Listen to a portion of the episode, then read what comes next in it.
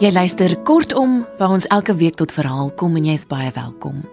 Ons gaan vanaand luister na 'n kort verhaal uit die pen van Henny Oukamp, getiteld Maar waar is al die blomme nou? Ek het dit gekry in die bundel Ook skaduwees laat spore. 'n Bundel wat van Oukamp se populêre tydskrifverhale vervat, uitgegee deur Tafelberg. David Minnar gaan hierdie verhaal vir ons voorlees. Lekker luister.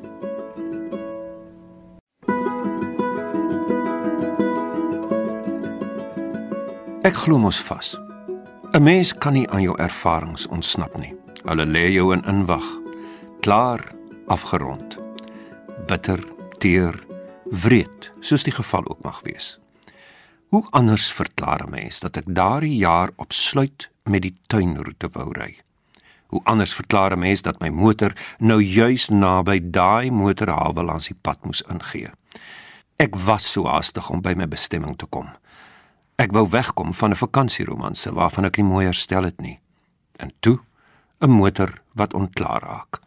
Die garage mense kon die herstelwerk nie binne 'n dag afhandel nie. 'n Onderdeel moes vervang word en die moes eers van die baai afkom. Meneer Els, die eienaar van die garage, het my na 'n buitehotelletjie in die bosse geneem. Die volgende oggend het hy my weer kom haal. By sy garage het ek ure in 'n ou vragmotor op die wrakwerf sit te wag.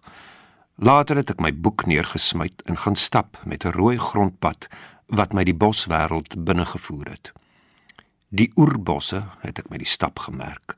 Suig die reën en mis soos 'n spons, bewaar dit jaloers, gedei in eie stoom en hitte.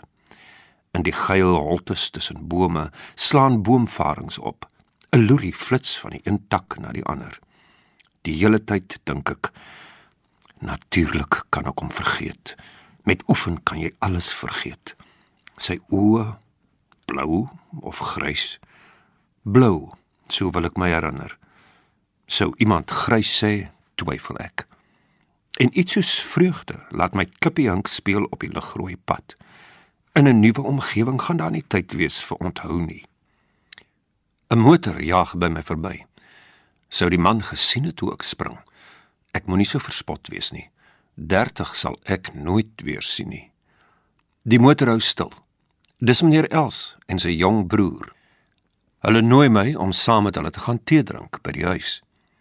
So wat 5 km van die garage af staan die Els huis. Die wrakwerf het uitgebrei na die huis toe. Wiele leun teen bome. Jong Els stel my voor aan sy skoonsister. Die skoonsister is 'n mooi vrou, 'n bietjie te swaar vir haar jare. Hare en vel nie onversorg nie, tog afgeskep.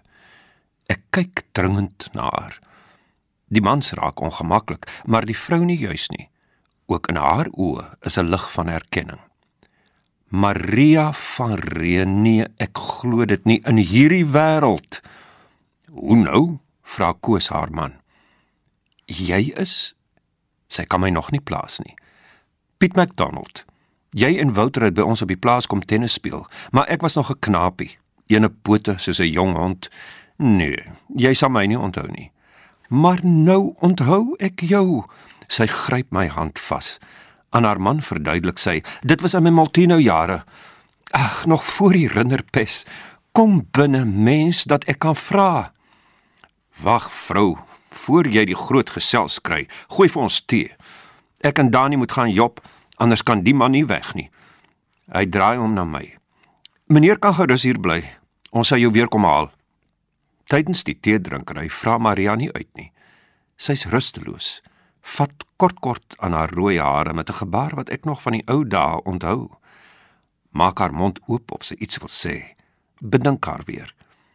Sy steek nie haar verligting weg wanneer Koos en Dani vertrek nie.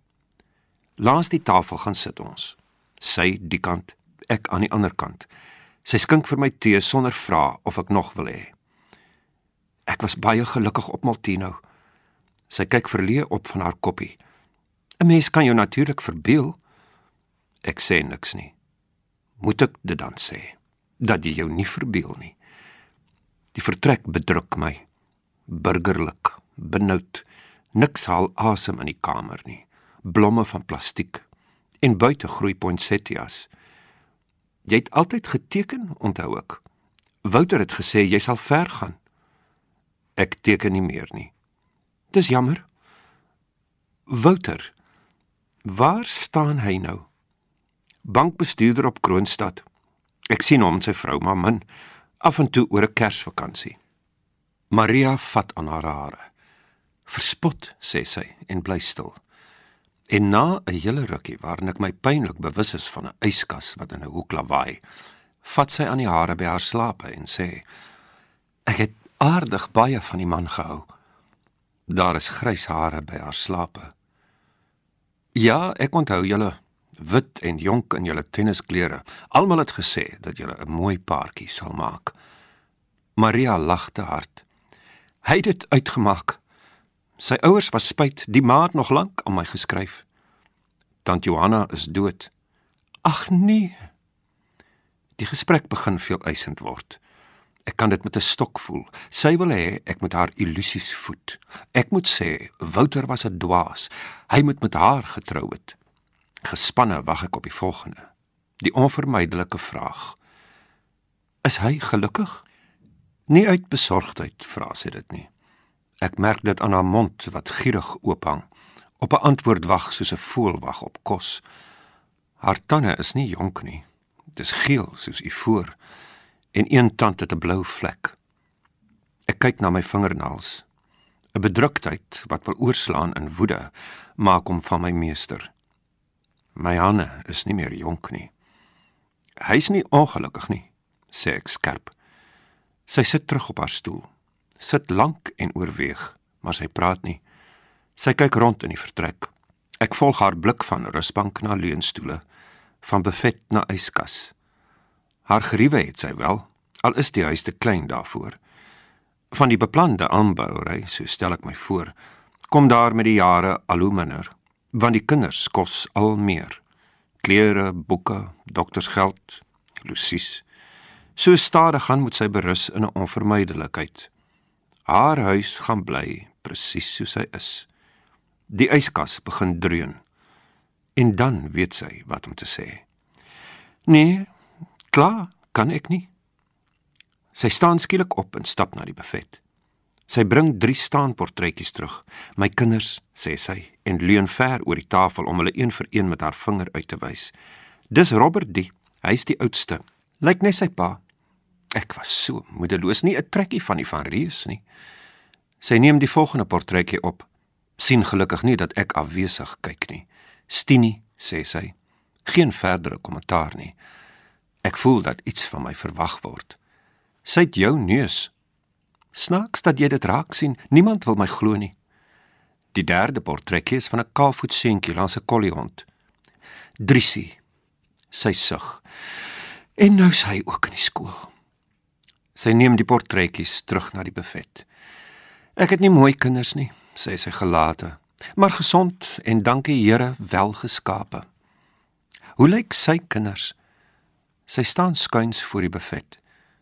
Dis jammer sy het so dik geword. Mooi, sê ek wreed. Albei kinders is kompleet al pa. En al oë sy staan roerloos voor die buffet. Ek weet nie hoe Wouter se oë lyk nie, daarom kan ek genadig wees. Blou, bruin. Ek kan eerlik nie onthou nie. Dan sal dit nie sy oë wees nie. Sy kom sit by die tafel. Nog tee?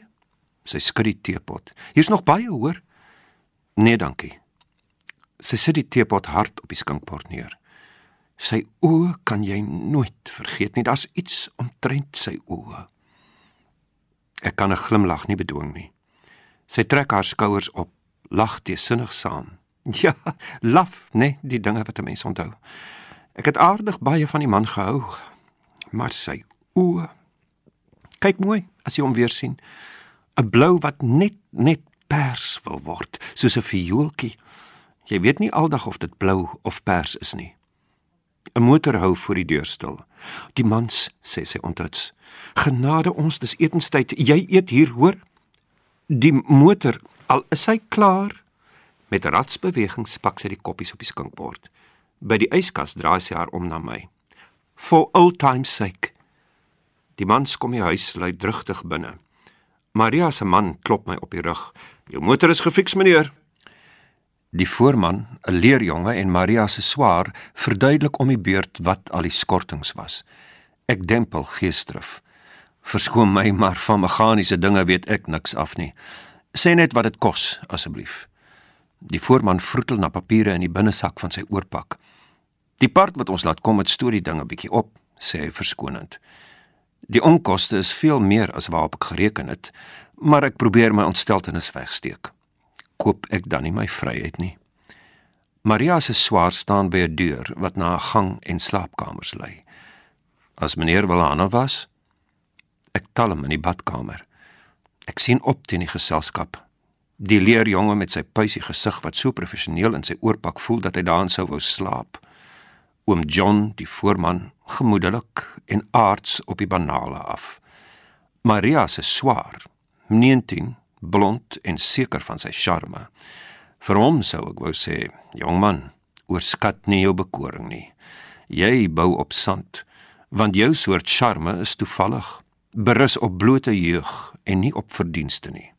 Ek weet, ek weet. Daarom vlug ek nou na 'n nuwe begin. Want ek verower nie meer maklik nie en behou so selde wat ek wen. Ek het my jonkheid reeds verbruik. In die holtes van die huis lui 'n klokkie. Ek stap op linoleum met 'n koue ganglaas verby almanakke, 'n telefoon aan die muur, 'n foto van die staatspresident. Die mense sit reeds aan die tafel. Daar laastens, sê Maria vriendelik. Tens is die leerjonge. Nog voor ek behoorlik sit, begin die heer des huises bid. Segen Vader het geen weten. Maria lig die deksels van die groenteskottels. Help julleself, papi, sny asseblief die vleis.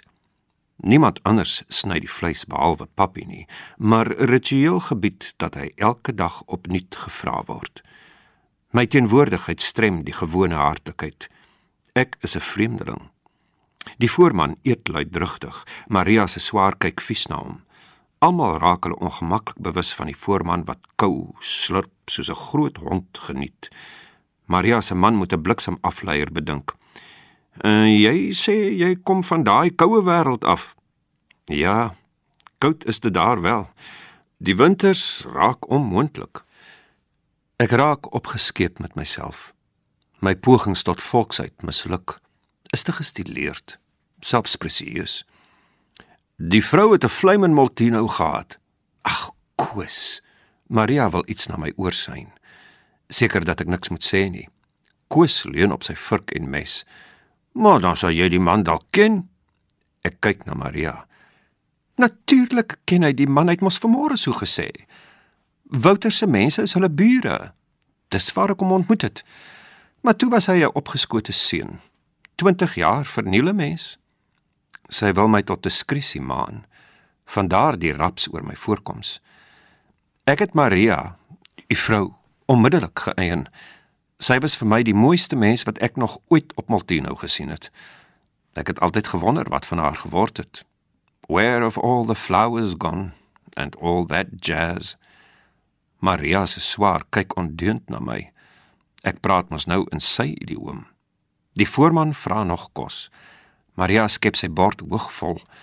Die leerjonge is te skaam om nog te vra. Maria sê hom kort af om sy bord aan te gee.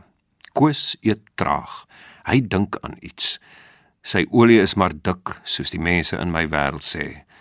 Hy lê 'n lang pad af voor 'n insig kom. Ek sou die Wouter graag wou sien. Koos, hou nou op met die nonsens. Soos jy te kere gaan, vrou.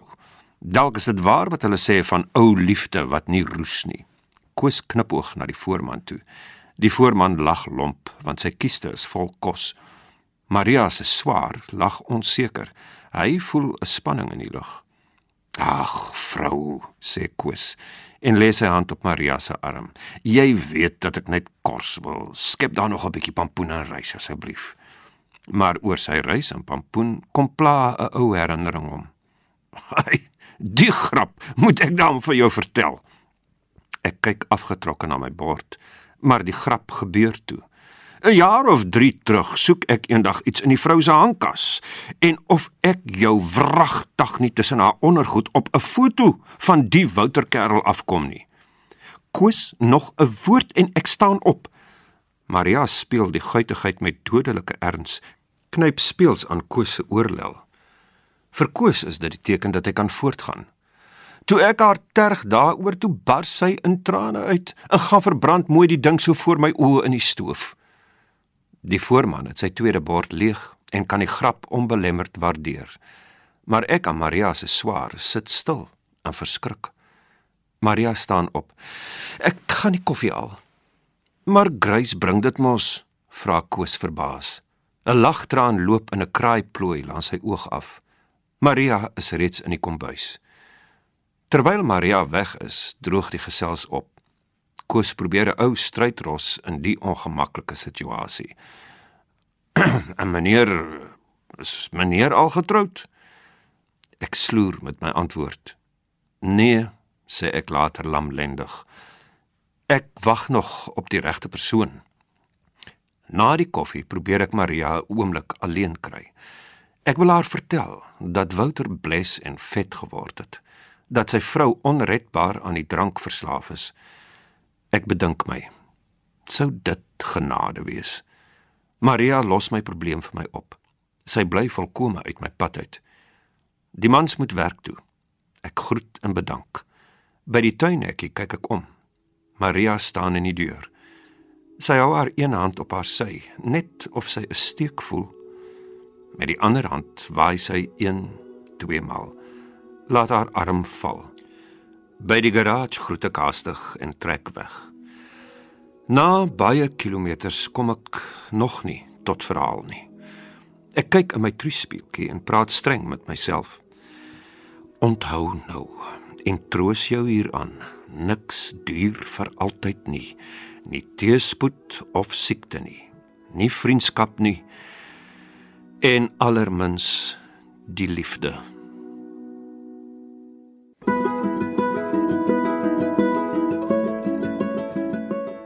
Dit was dan, maar waar is al die blomme nou? Deur Henny Oukamp, voorgeles deur David Minnar. 'n Heerlike aand vir jou. Tot volgende keer. Totsiens.